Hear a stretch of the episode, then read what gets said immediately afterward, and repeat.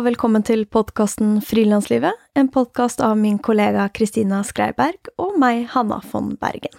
Vårt mål med denne podkasten er å være en faglig og inspirerende kanal for alle dere som jobber for dere selv i medie-, kunst- og kulturbransjen.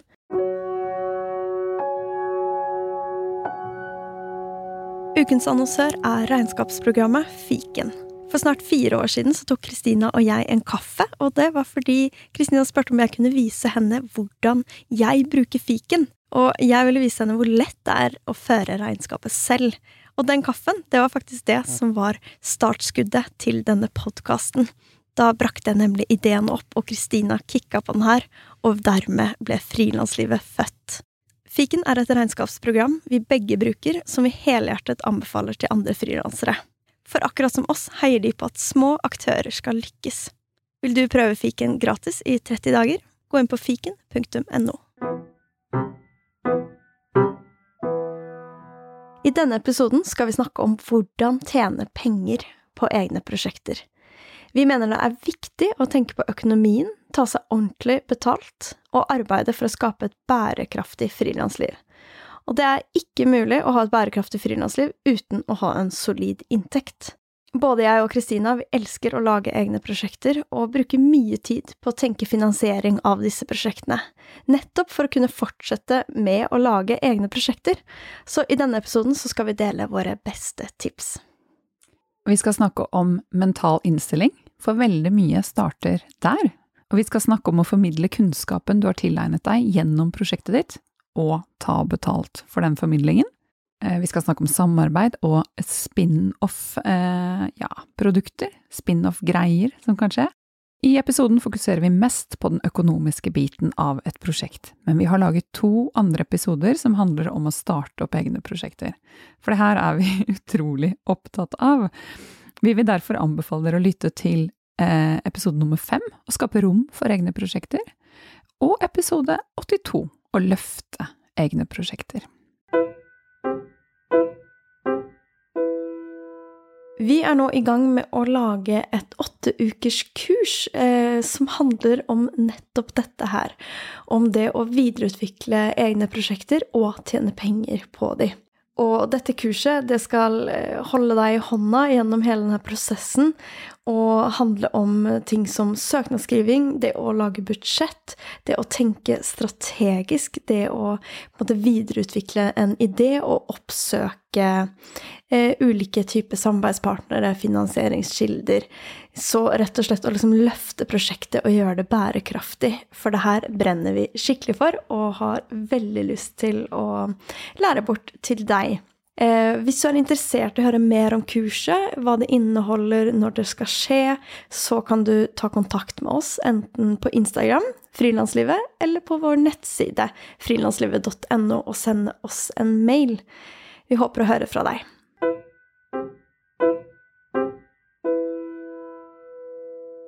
Du Hanna, kan ikke vi snakke først litt om hvorfor vi lager denne episoden?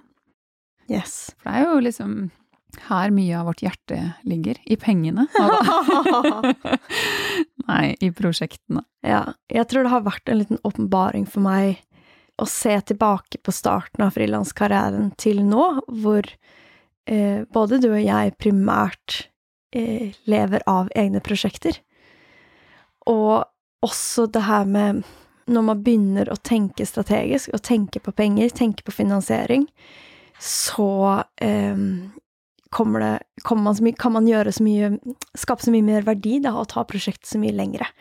Så det liksom har muliggjort det å jobbe med egne prosjekter. Det er jo så heftig når du mottar tilskudd eller lander en sponsor eller samarbeidspartner, og så muliggjør det at du kan jobbe med prosjektet på den måten du vil, og skape den verdien du ønsker, og at prosjektet ditt har muligheten til å nå ut og skape masse verdi. Og det er jo målet, at du kan leve av eh, det du ønsker å drive med.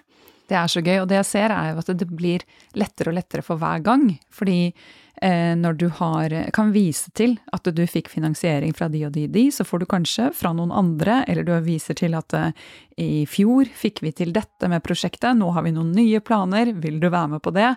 Eh, det bare forsterker seg med tiden hvis du fortsetter å jobbe i det, mm. og det er utrolig motiverende. Ja.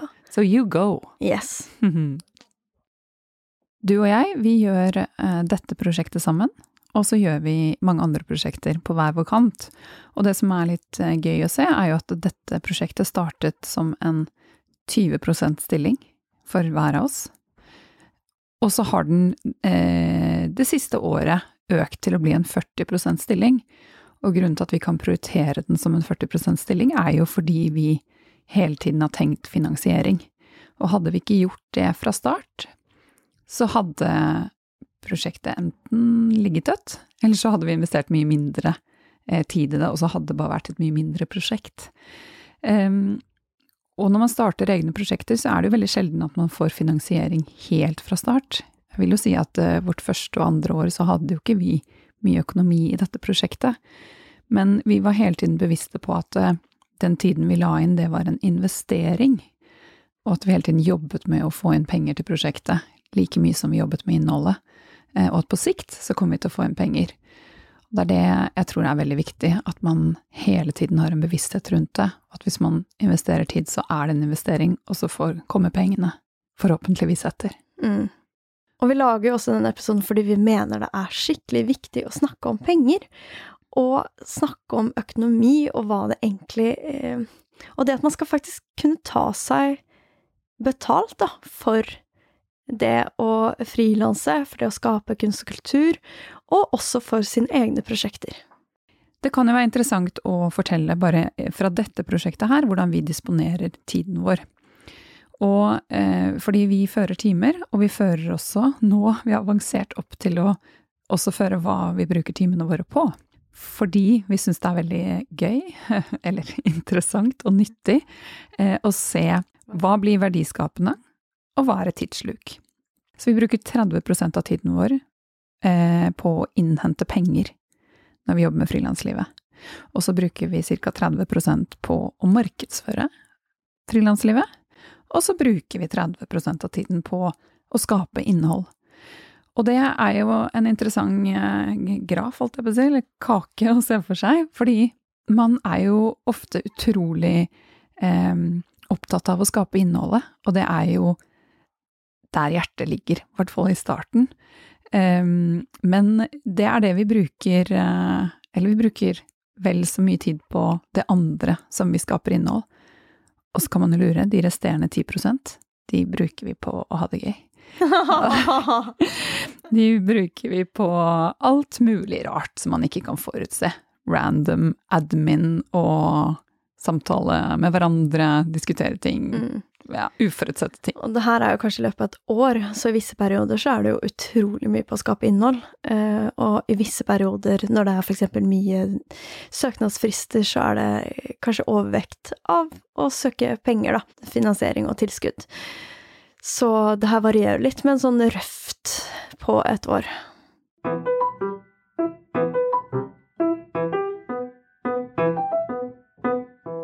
Vi skal snakke om litt forskjellige temaer i dag, så vi kan begynne med å snakke om mental innstilling.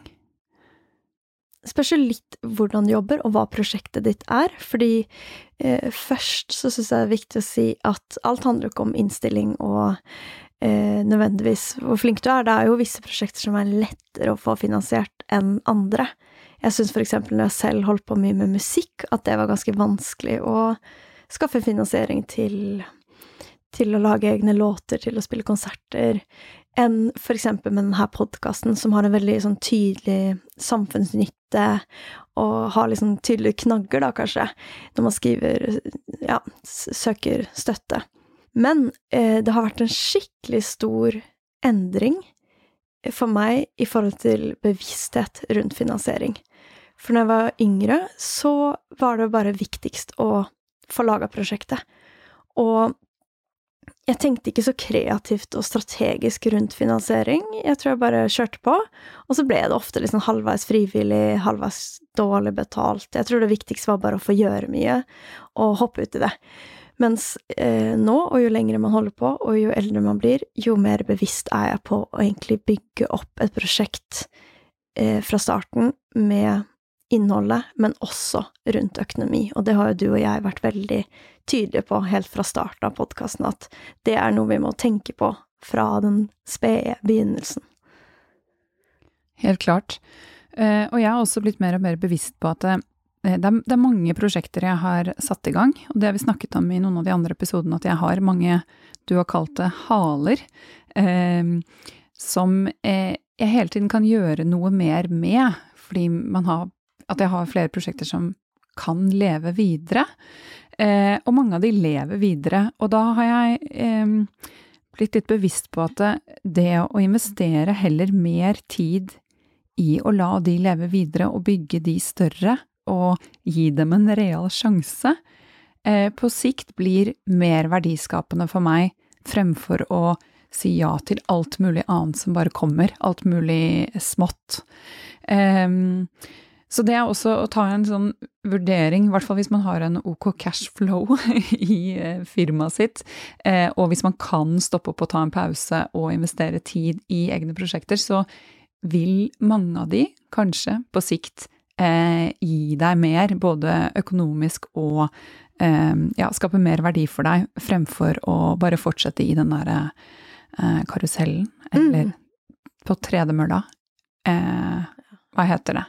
Hamsterhjulet, heter det. Ja, jeg har tenkt veldig mye på det samme, at um, ok, hvis du har et scenario hvor du får uh, Du blir spurt om å ta et oppdrag, og så syns du ah, det er litt dårlig betalt, og så kanskje har et ganske stort prosjekt gående som ruller og går, sånn som vår podkast, da da er det jo verdt å stoppe opp og tenke er det bedre å bruke tiden på å si ja til prosjektet, eller til oppdraget, eller bruke tiden på å f.eks. kontakte annonsører, samarbeidspartnere, søke eh, tilskudd. Hvor, hvor, tror du egentlig Hvor kan man få mest eh, verdi, da? Eh, fordi det er det der å spre seg veldig tynt, som du sier, på mange ulike ting. Eh, da er det vanskelig også å bygge opp finansiering i et eget prosjekt, da. Men det innebærer en viss investering av tid, selvfølgelig, og da også en viss risiko, helt klart. Men jeg har også tenkt det samme med det å eh, starte nye prosjekter. Fordi jeg og veldig mange andre jeg kjenner er glad i å sette i gang nye ting. Man får mange ideer og tenker sånn ja, det blir et kult prosjekt, jeg setter i gang. Men der er jeg også liksom festbrems på meg selv. At jeg tenker fremfor at jeg hele tiden skal sette i gang mine nye ideer, Eh, ikke engang bare oppdrag for andre, men jeg bremser meg selv. Eh, fordi eh, hvis jeg har altfor mange prosjekter gående, så blir liksom Det blir også til at jeg sprer meg for tynt hvis jeg gjør det. Eh, og at jeg heller eh, prøver å liksom stoppe opp og tenke hvilke prosjekter har jeg allerede satt i gang? Kanskje noen av dem satte jeg i gang for flere år siden, men det er fortsatt mye å hente der. Eh, så bare å dyrke prosjektet sitt enda mer, hvis man ikke er lei, da, eh, og kna det enda mer der hvor du allerede har investert veldig mye tid, kan være skikkelig nyttig. For mm. kanskje du, prosjektet ditt ikke har nådd sitt eh, potensial. Så liksom gi, gi det kjærlighet. Hvis du vil være i det. Hvis du vil være i det universet lenger. Mm. Mm. Så derfor vi, skal vi snakke om det her, for eh, kanskje du har lyst til å gi ditt prosjekt mer kjærlighet. Kanskje du er tom for ideer. For hva mer kan jeg gjøre nå? Man stopper jo opp noen ganger, og vi håper vi har noen gode ideer til hva du kan gjøre. Og jeg tror jeg hadde litt annet forhold til penger for en del år siden. Nå, det har hjulpet meg å gå inn og se hva er gjennomsnittsinntekten i Norge, og hva egentlig vil det si eh, som frilansinntekt, da med alt du skal legge til, og ja, pensjon og feriepenger og alt det der, og forstå eh, hva som er liksom mye, og hva som er lite penger. Og eh, sakte, men sikkert lære seg at selvfølgelig skal du også ha lønn, eh, også for egne prosjekter, og gjerne når man begynner å se på satsene til fagorganisasjoner, så begynner man å forstå hva den lønnen egentlig burde ligge på, da, kanskje. Så det med å bli litt mer eh, komfortabel rundt eh, penger, og hvor mye penger du tenker at du fortjener, det tror jeg er en viktig brikke i det å tørre å ta betalt, og skrive budsjetter som faktisk er reelle, da, og ikke en slags sånn minimumsscenario. Eh, det er viktig også å øve på.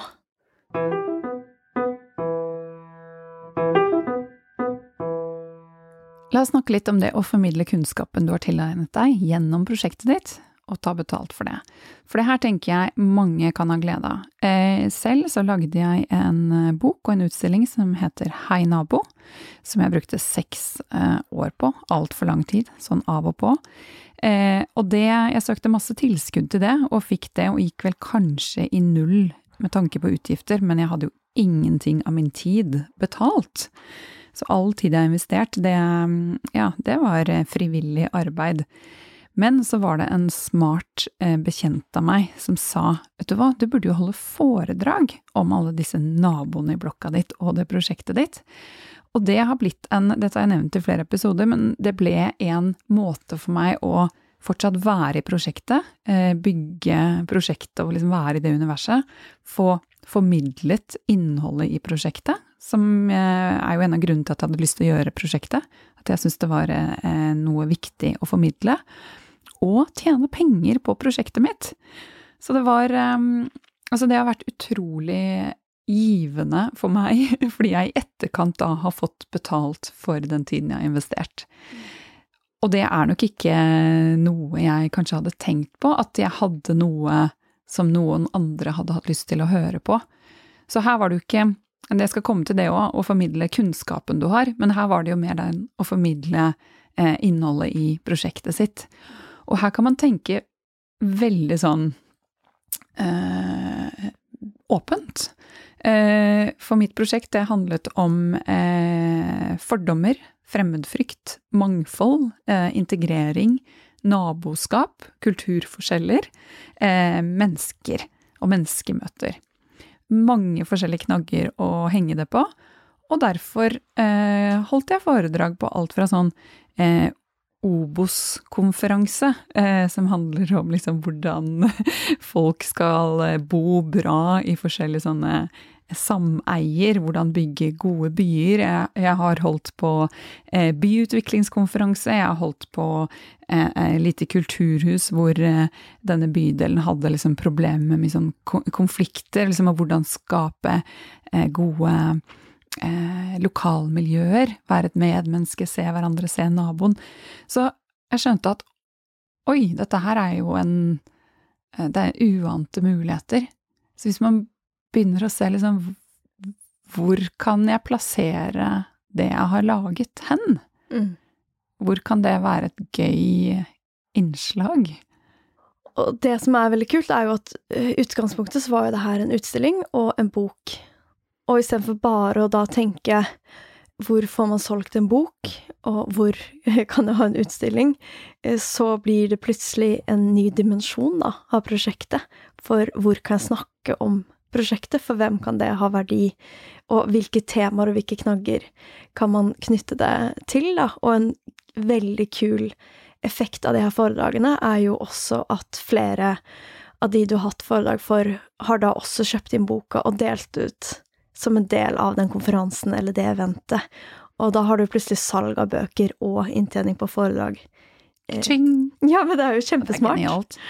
og jeg brukte veldig mye tid på å eh, tenke ut utradisjonelle arenaer for å selge bok også, i tillegg til bokhandler og biblioteker. Så det har jeg brukt masse tid på, og også tenke oi, kanskje dette kunne blitt en vandreutstilling som reiste rundt i alle små byer rundt om i Norge. og det hadde jeg skikkelig lyst til, men jeg kjente at det ble så omfattende. Eh, og Eh, det er jo kanskje en dag bretter opp armene og gjør det òg, men jeg tenker at dette med Du kan alltid gjøre mange andre ting parallelt, eller gjøre ting i tillegg.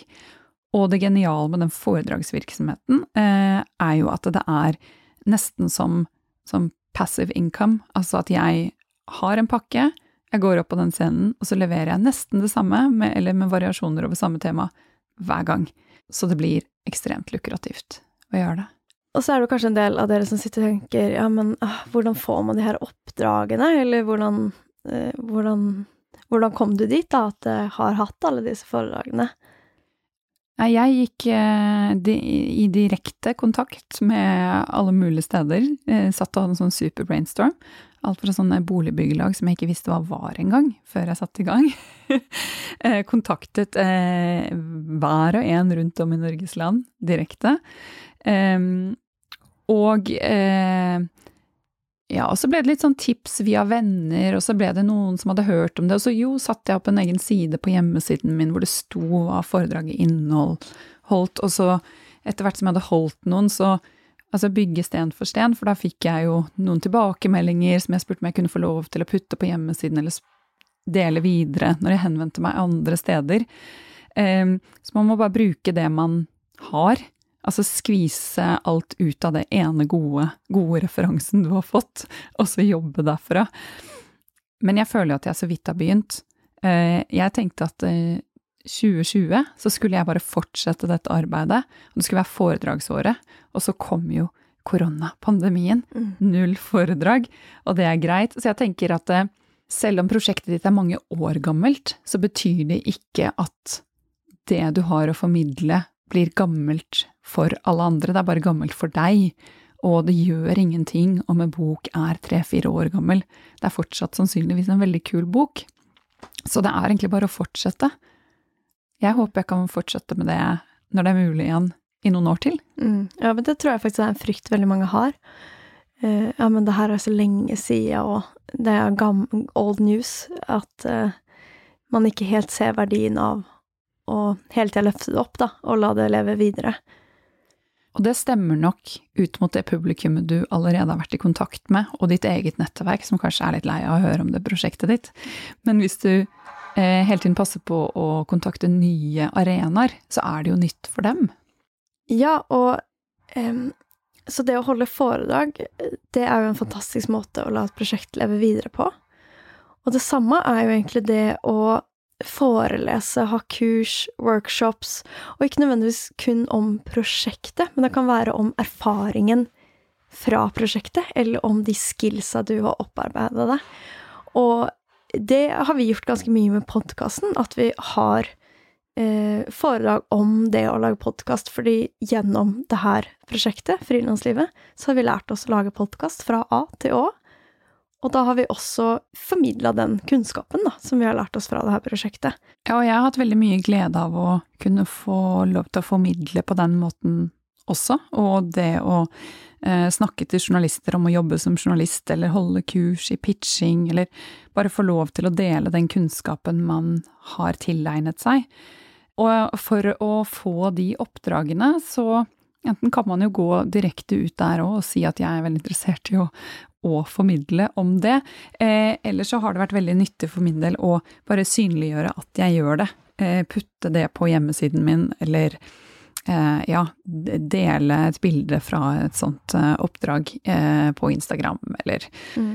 Ehm, og bare si ja når man blir spurt. Mm. Fordi et sånt leder eh, ganske ofte til et nytt et. Ja.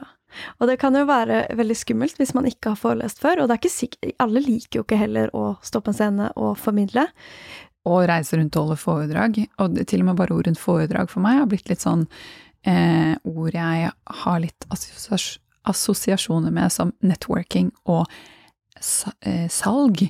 Eh, at det blir sånn buzzword, fordi på et eller annet tidspunkt så er det så mange som eh, har gjort et eller annet som skal begynne å holde foredrag. Mm. Så man kan jo bli litt kvalm av det òg. Så ta dette til Altså ta det som passer for deg. Jeg syns personlig at det er veldig, oppleves veldig forskjellig å snakke om noe man har så utrolig eierskap til, som er et eget prosjekt, enn det å kanskje Ja, men det klassiske som er å snakke om en tematikk, eller representere et firma, eller um, så, det, så for meg har det liksom vært det er ikke alltid noe jeg er kjempeglad i, men akkurat i denne konteksten av å snakke om egne prosjekter, så oppleves det mye lettere, da, og mye morsommere. Fordi du, du, selv brenner så utrolig for Eller jeg brenner så veldig for eh, det jeg står og snakker om. Ja, det er så mye lettere å snakke om noe man brenner for, og er genuint opptatt av. Og du kommer dit som eksperten på noe du selv har skapt, og kanskje ikke som eksperten på design thinking. Altså, så det eh, også kanskje senker terskelen litt for hva er rett, hva er feil, um, og gjør det litt uh, mer tilgjengelig, da. En annen idé, som ikke nødvendigvis er for en stor gruppe, eller på et stort event, eller på scenen, det kan jo være å eh, være mentor for en annen person, hvor det blir litt mer en samtale, og du følger noen.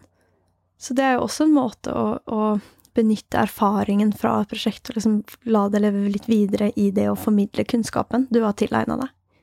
En annen ting er å lage egne kurs. Eh, vi intervjuet eh, kunstner Jannik Abel for en tid tilbake, og hun holder kurs i Jobbe med tre i hennes utestudio i skogen. Og jeg syns det er så fint eksempel på å ta med noen, ta med andre inn i din verden, inn i noe du elsker å gjøre, og bruke din kunnskap og ja, noe du er spesielt god på å vise det til andre. Så det å tenke på hva man hva du kan, og hva du kanskje kan som ikke så mange andre kan. Jeg tror eh, det er veldig lett å glemme hva du, hva du kan, hva som er spesielt med deg selv, fordi du bare tråkker rundt i ditt eget sinn dagen lang. Men spør en venn, eller spør en fan, eller spør eh, noen andre, hva tenker du at jeg er god på, eller hva som, ja, hva er spesielt med det jeg gjør? Jeg har også eh, holdt skrivekurs, eh, annet for innsatte på Bastøy fengsel. Wow. Ja, og det er en av de morsomste skrivekursene jeg har holdt. Da ble jeg spurt av en som skulle tilrettelegge dette skrivekurset, da. Men det var, eh, jeg tror det kanskje var tolv forbrytere, da, som de kalte seg, over et tredagerskurs. Og det er, eh, ja, det er liksom en stor glede, i hvert fall for meg, å kunne formidle det jeg kan til noen andre, og se at de kan ha nytte av den kunnskapen. Og ikke minst være i kontakt med de som lærer det. Eh, veldig ofte når man driver med et eller annet eh, eh åndsverk, så sender man det ut der, og så mange av oss er ikke i kontakt med som, med mottakeren, men å kunne liksom være tett på og gå i dialog med de som lærer noe av deg, det blir sånn veldig fine menneskemøter. Mm. Kjære AI-assistent. Jeg sliter med å sette av tid til å følge opp kundene mine, og nå har de søren meg sluttet å betale. Hva gjør jeg nå? Med Amili, en ny helhetlig løsning fra Visma, kan du automatisere bort de kjipe oppgavene og tilpasse fakturering og betalingsoppfølging for hver enkelt kunde. Og det beste av alt, du får raskere betalt. Amili? La meg sjekke. Amili.no.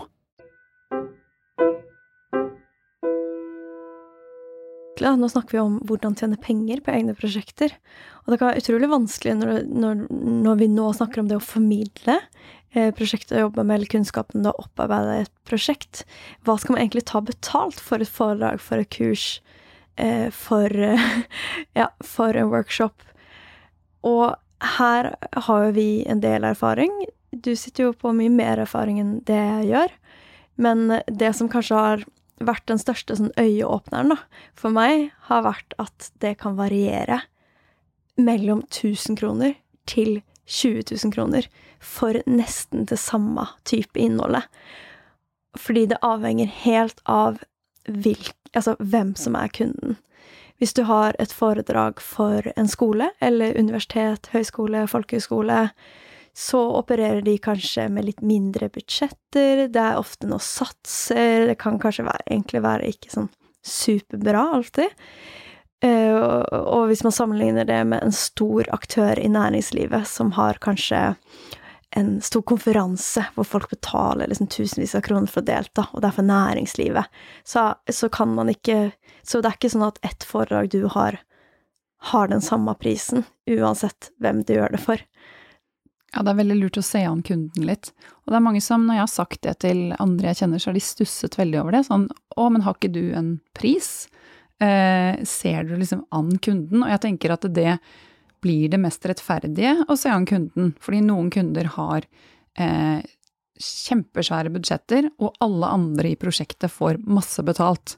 Da er det rett og rimelig at du også får masse betalt.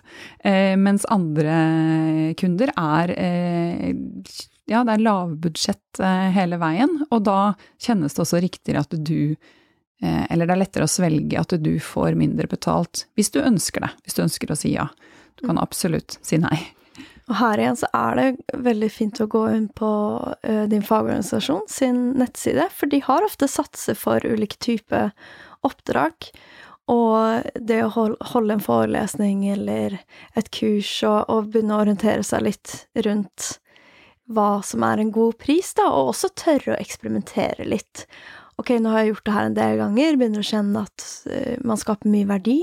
Kan du prøve å uppe prisen du sier, og se funka det? Så det er lov å prøve seg litt frem. Men du har også lov til å ta veldig veldig mye mer enn de satsene som står der, eh, hvis kunden har masse penger. Eh, eller eh, uansett så kan du selvfølgelig prøve å ta veldig mye mer. For dette her er veldig ofte minstesatser.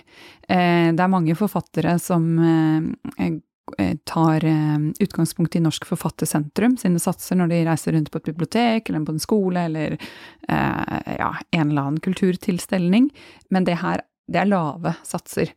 Så husk at eh, det, det der er et minimum, og du kan jobbe deg oppover. Og du, the sky is the limit hvis kunden har eh, penger. Ja, det er veldig bra poeng. Og det å vite og skjønne også at det fins foredragsholdere som tar 50 eh, 000 for et foredrag. 80? 80 000.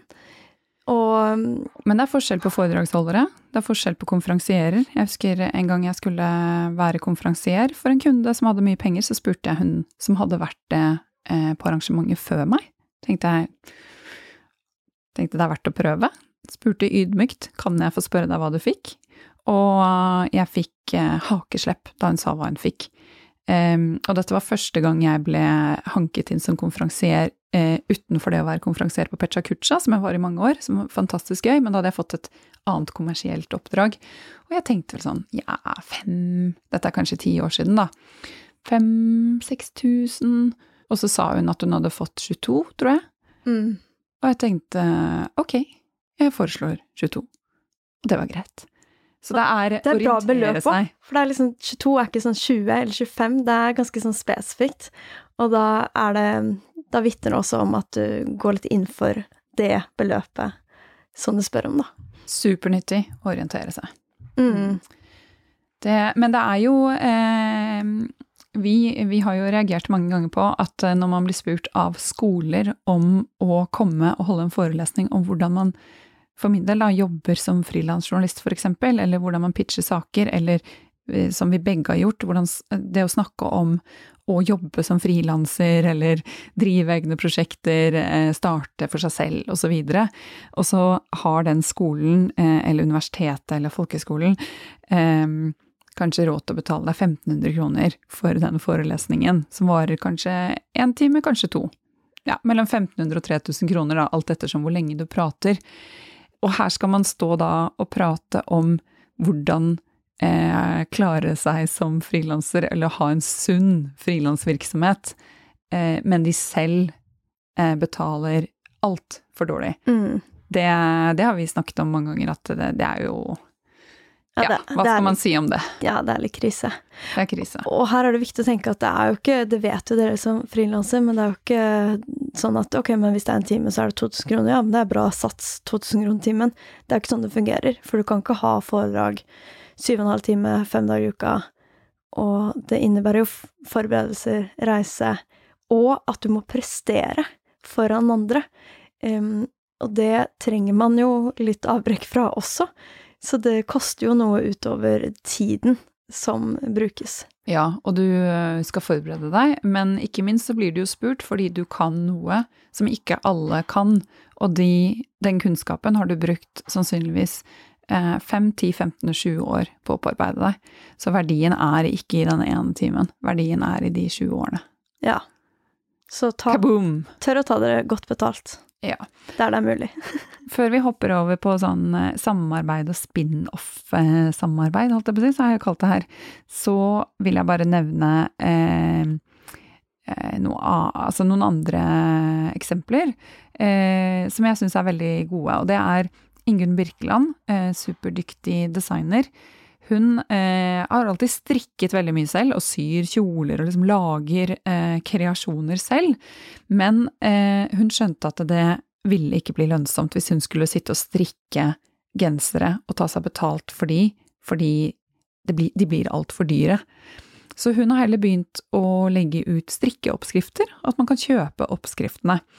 Det samme Ingrid Vik Lysne, som vi også har intervjuet, som driver eh, Fabrik, eh, en gjeng på fire damer som lager syoppskrifter, slik at folk kan sy klærne selv. Og det syns jeg er et så godt eksempel på at du trenger ikke nødvendigvis alltid selge det du selv har laget, men du kan gi folk muligheten til å lage det du selv eh, kan, eller gi dem oppskriften på det, fremfor at du skal lage det for dem. Eh, så også en veldig kul måte å formidle det du gjør på, og tjene penger på det. Mm.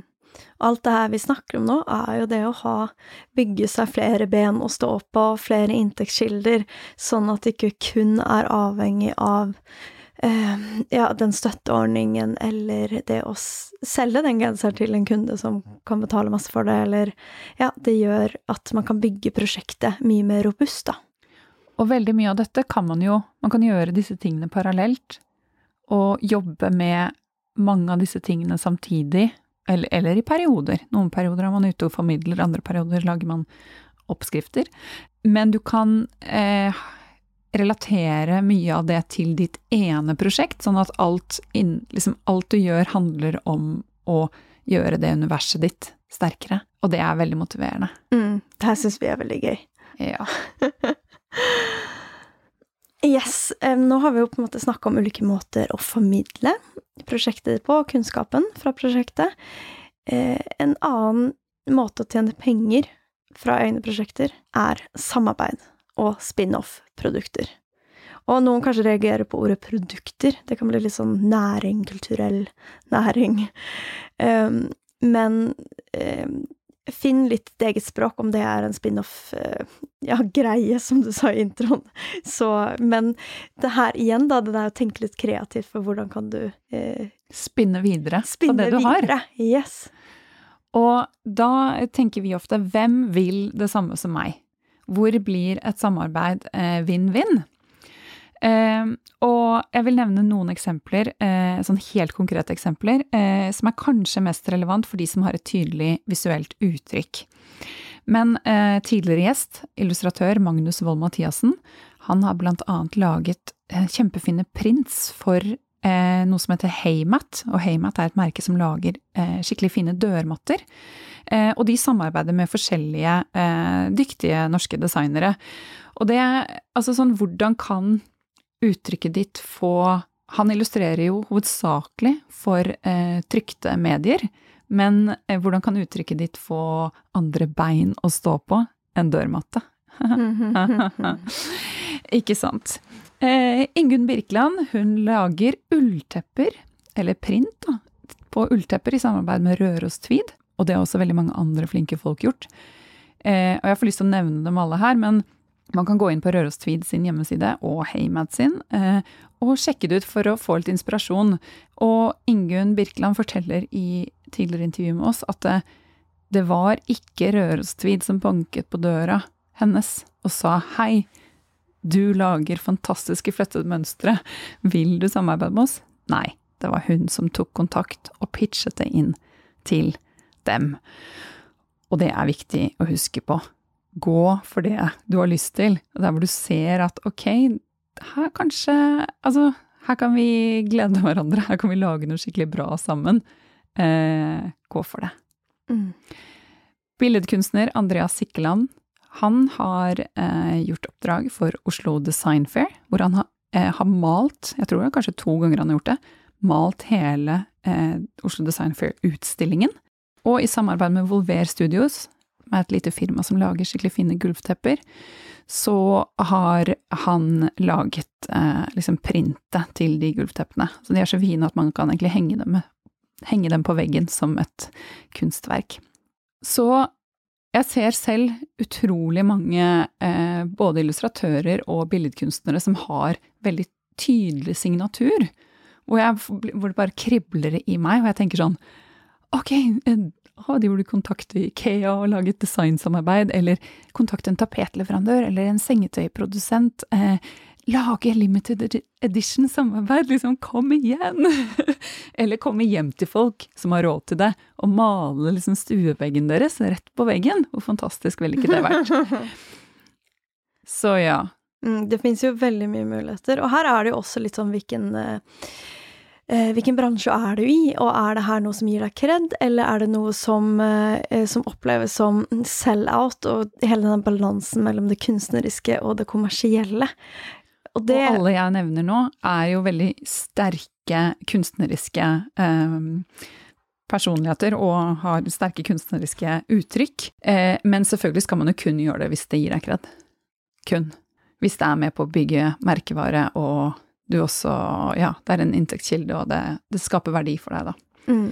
Men jeg tenker at det kan være veldig positivt å tenke at ditt uttrykk, hvis det når et publikum på andre flater eller andre arenaer enn eh, kun de hvite galleriveggene, som for noen kan være en stor terskel å gå inn i. Det er ikke alle som drar inn i eh, samtidskunstgalleriene. Eh, men noen kanskje treffer du med kunsten din via et eh, pledd eller et eh, sengeteppe. Jeg synes Det som er veldig spennende med det her, er jo nettopp det å se på innholdet ditt og tenke kan innholdet få en annen form? Kan det nå ut til andre gjennom et annet format? Er det også andre som vil bruke innholdet ditt eh, og nå ut til de som de kommuniserer med? Eh, så det er jo hele liksom, den øvelsen da, som vi oppfordrer litt til, er jo å kna litt på det du driver med, og utvide horisonten litt på formen det får ta. Jeg har blitt veldig inspirert av en illustratør og printmaker, som det står på hennes Instagram, som heter Renate Thor.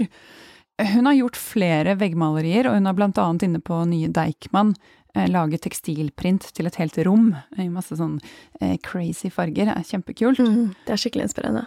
Og på hennes Instagram så har hun i over lang tid eh, laget sånne mockups av at hun lager veggmalerier på svære vegger rundt omkring i Oslo, og sikkert mange andre steder også, hvor jeg har vært sånn wow, så fet vegg!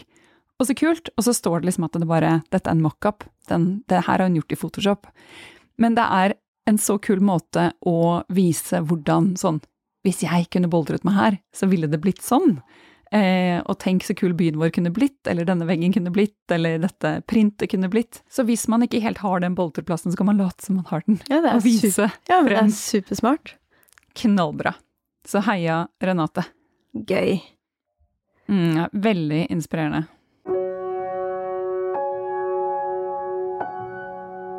Ukens annonsør er coworking-spacet 657 i Oslo. Som frilanser kan man jo føle seg ganske alene, og savnet etter kollegaer eller et sted å gå til kan være stort. Vi vil anbefale deg å sjekke ut 657, for de retter seg mot oss som er i den kreative bransjen og har masse fokus på community. Akkurat det å ha andre mennesker å spare med når man jobber alene, kan være utrolig verdifullt. 657 de har en egen mentorordning, slik at du kan utvikle deg, de har foto- og podkaststudio til en sympatisk pris, og tilbyr fleksible løsninger for deg som kun trenger et sted å sitte et par dager i uken. Les mer på 657.no.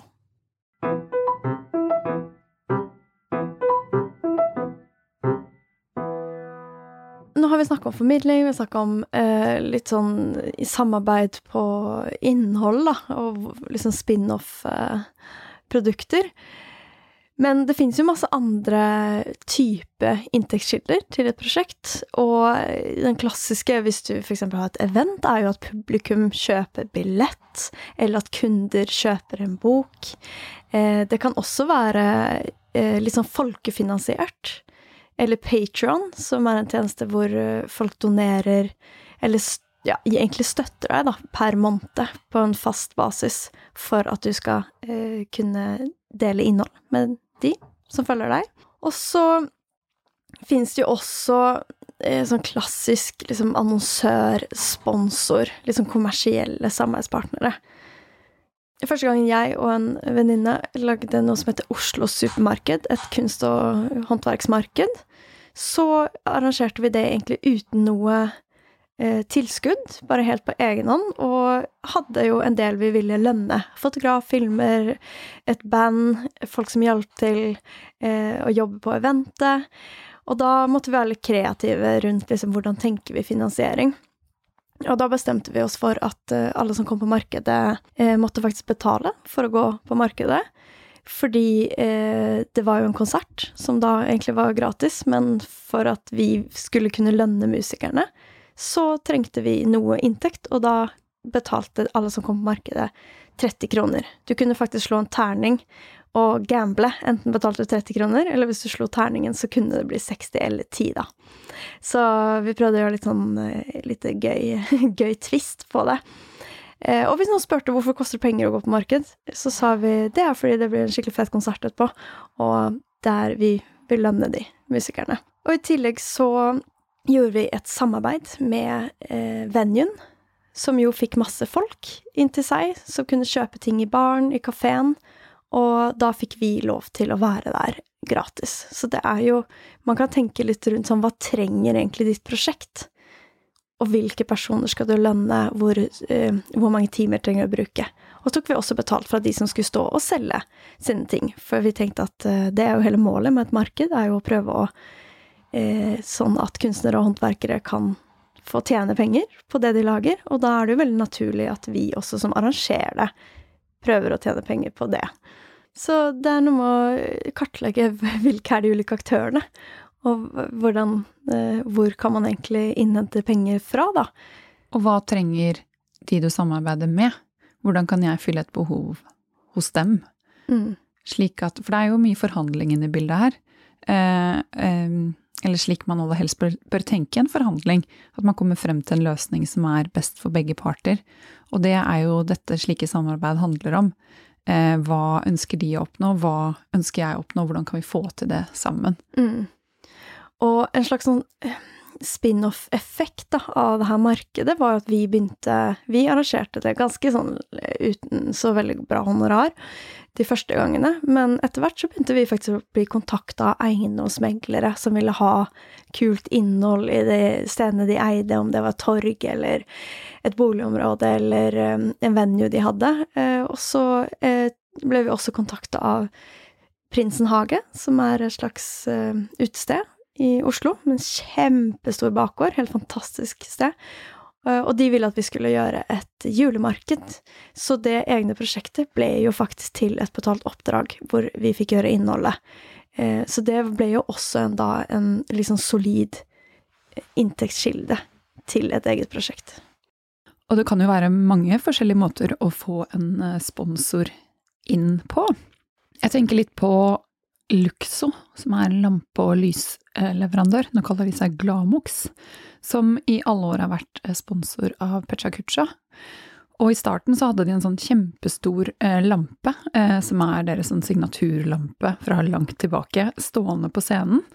Eh, som jeg tenker er sånn vinn-vinn. De ønsket å vise frem den lampen til vårt publikum, og vi syntes bare det var utrolig fint å ha et eh, kvalitetsmerke og en kul lampe stående på scenen. Mm. Pecha Kucha, der har vi arrangert fire eventer i året, med rundt sånn 400-500 i publikum per event. Og da har eh, Glamox vært synlig både med banner, en lampe på scenen, vi har sagt navnet på scenen, men i tillegg så har de pleid å ha et intern event før Pecha Kucha, hvor de inviterer masse arkitekter, og så har de en egen middag og samling eh, før de kommer til Pecha Kucha. Så det er jo i tillegg til synlighet, men kanskje ikke synligheten er det aller viktigste, men det er det at man får eh, vise frem noe som er kjernen av det man driver med, og for Glamox så handler det om arkitektur og design, og det handler også Pesha Kucha eh, om, eller mange som kommer på scenen snakker om de temaene.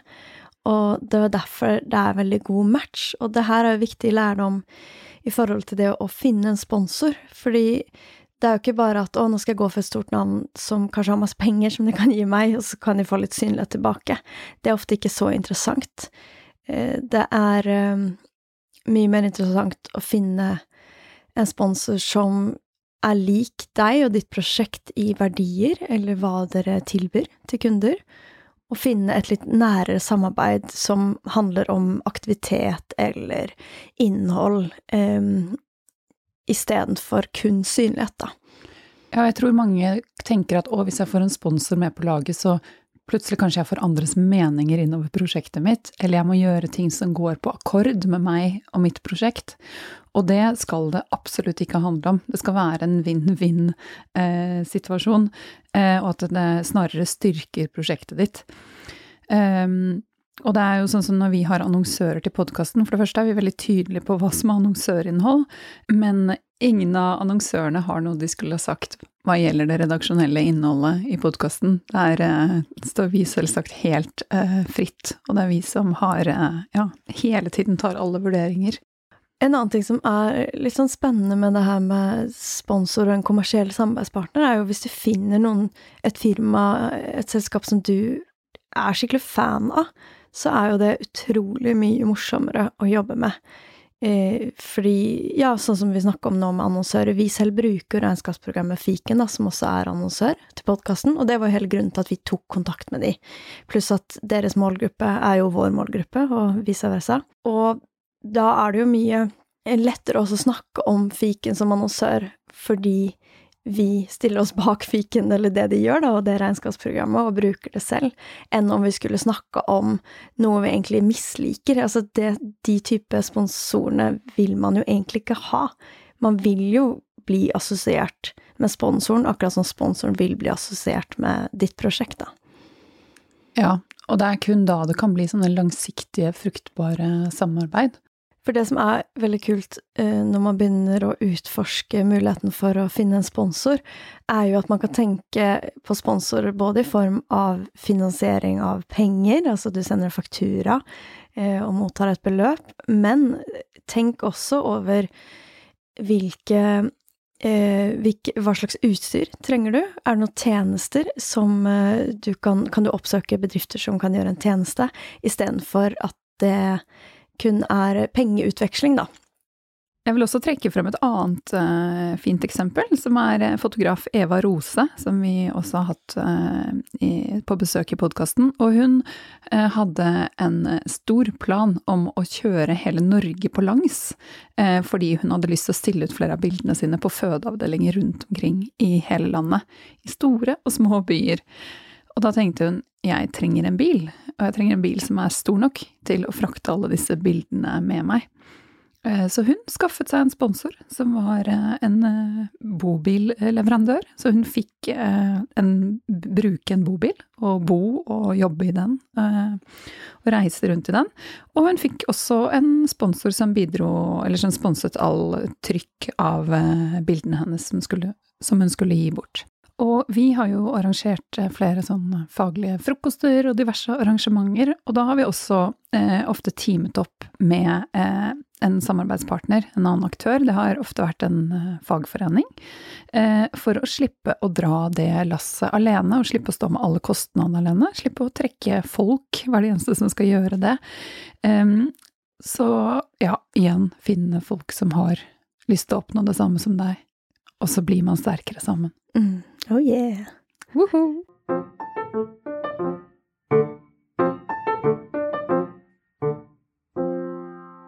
En ting som jeg syns har vært skikkelig kul læring da, i å gjøre masse prosjekter og faktisk prøve å oppsøke sponsor og ha ulike kommersielle samarbeid, er at jeg hadde en fordom um, Min fordom var at du må være en ganske stor aktør, ha masse følgere, eller være ganske kjent, eller ha mye liksom makt, da, og mye påvirkningskraft for, at, for å være interessant for sponsorer. Men så har jeg innsett at um, det er, stemmer ikke i det hele tatt. Og eh, til og med Jeg husker da jeg var sånn 16-17 år, så spilte jeg eh, musikk, og så skulle jeg spille på Ungdommens kulturmønstring i Trondheim, i finalen. Og da husker jeg at jeg gikk til Noah. Noah Noah. Er det det Klesbutikk, ja. Mm -hmm. Klesbutikken. Noah Noah. Og så sa jeg at jeg spiller i band, og vi skal spille konsert i Trondheim. Vil dere sponse meg med et antrekk som jeg kan ha på? Og nå kanskje de bare syntes jeg var søt og ville liksom være hyggelig, Men da fikk jeg et antrekk. Um, som var veldig kult. Og det skulle jo ikke bli filma, det var liksom lenge før sosiale medier-alderen. Så, og samme med podkasten her, at ikke gå for de største selskapene, gå for mindre selskaper eller mellomstore, men gå for de som du føler er en god match da, til det du driver med, og som du faktisk vil eh, fronte og samarbeide med. Og i denne e-mailen, vær tydelig på hva du kan gi, av verdi igjen, og ikke bare at du har lyst på penger fra de. Selv om ingen skriver det, da, men du skjønner hva jeg mener. Ja, og med alle vi har samarbeidet med, som eh, ja, stort sett har vært fagforeninger eller eh, annonsører som vi henter inn, så er vi veldig tydelige på hvilken rolle de har inn i prosjektet, hva de ikke kan påvirke, eh, hva, det, hva, vi bestemmer over. Og vi skriver alltid en kontrakt med dem, eh, spesielt annonsører og samarbeidspartnere. Og det kan oppleves eh, som noe veldig omfattende eh, å skrive en kontrakt, men det trenger ikke å være så omfattende. Det kan være å skisse ned på en A4-side eh, hva vi forplikter oss til, og hva de forplikter oss til, hva vi eh, forbeholder oss retten til, osv. Og, og så skriver man under på det, for at det ikke skal oppstå misforståelser og ja. Mm. Um, Tenk gjennom hvem gjør hva Eh, og på hvilken måte, og når. Altså hvor lenge varer kontrakten? Omfanget. Mm. Og hvem eier hva? Nei, men det er veldig viktig at um, du ikke gir fra deg um, autoriteten over innholdet ditt. At det er det du som råder over, og at ingen skal kunne komme og bestemme hva slags bilder du velger å trykke opp når f.eks. Eva Rose skal på norgesturné hva som skal trykkes på de bildene, hvor de skal henge, eh, hvordan bildene er tatt, osv. Det er eh, den, eh, det kunstneriske eh, ja, eh, uttrykket, og det, det, skal du holde på. Og det er jo derfor du nettopp skaper verdi for noen andre, fordi du har noe helt særeget og gjør det på den måten du gjør. Um, så det er, på, det er, på, andre ting man kan gå inn, inngå samarbeid, og det trenger ikke å være kompromisser engang. Det kan være noe som ja, høyner Eh, leveransen av prosjektet. Så vi vet jo ingenting om en sponsor kan være rett for deg og ditt prosjekt, men det er absolutt en spennende eh, mulighet da, å utforske når det gjelder å tjene penger på egne prosjekter. Var du ikke selger sjela? Ikke selg sjela. Takk for oss. Takk for nå. Takk for oss. ha det. Ha det. Vi håper du har eh, likt innholdet du har hørt på. Eh, hvis du har det, så gå veldig gjerne inn på iTunes og gi en liten tilbakemelding og gi en liten rating. Og spre gjerne ordet til en frilansvenn eller to. Så kan vi fortsette å lage frilanslivet og forhåpentligvis gi deg mye godt frilanssnadder fremover. Nå lønner det seg å hamstre påskekosen hos Ark. Ark inviterer nemlig til påskefest med skremmende bra nyheter, pocket fra 99 og 40% på alle spill og puslespill. Ark-påske betyr rett og slett mye påske for pengene. Så fyll opp med påskens favoritter i nærmeste Ark-butikk eller på ark.no.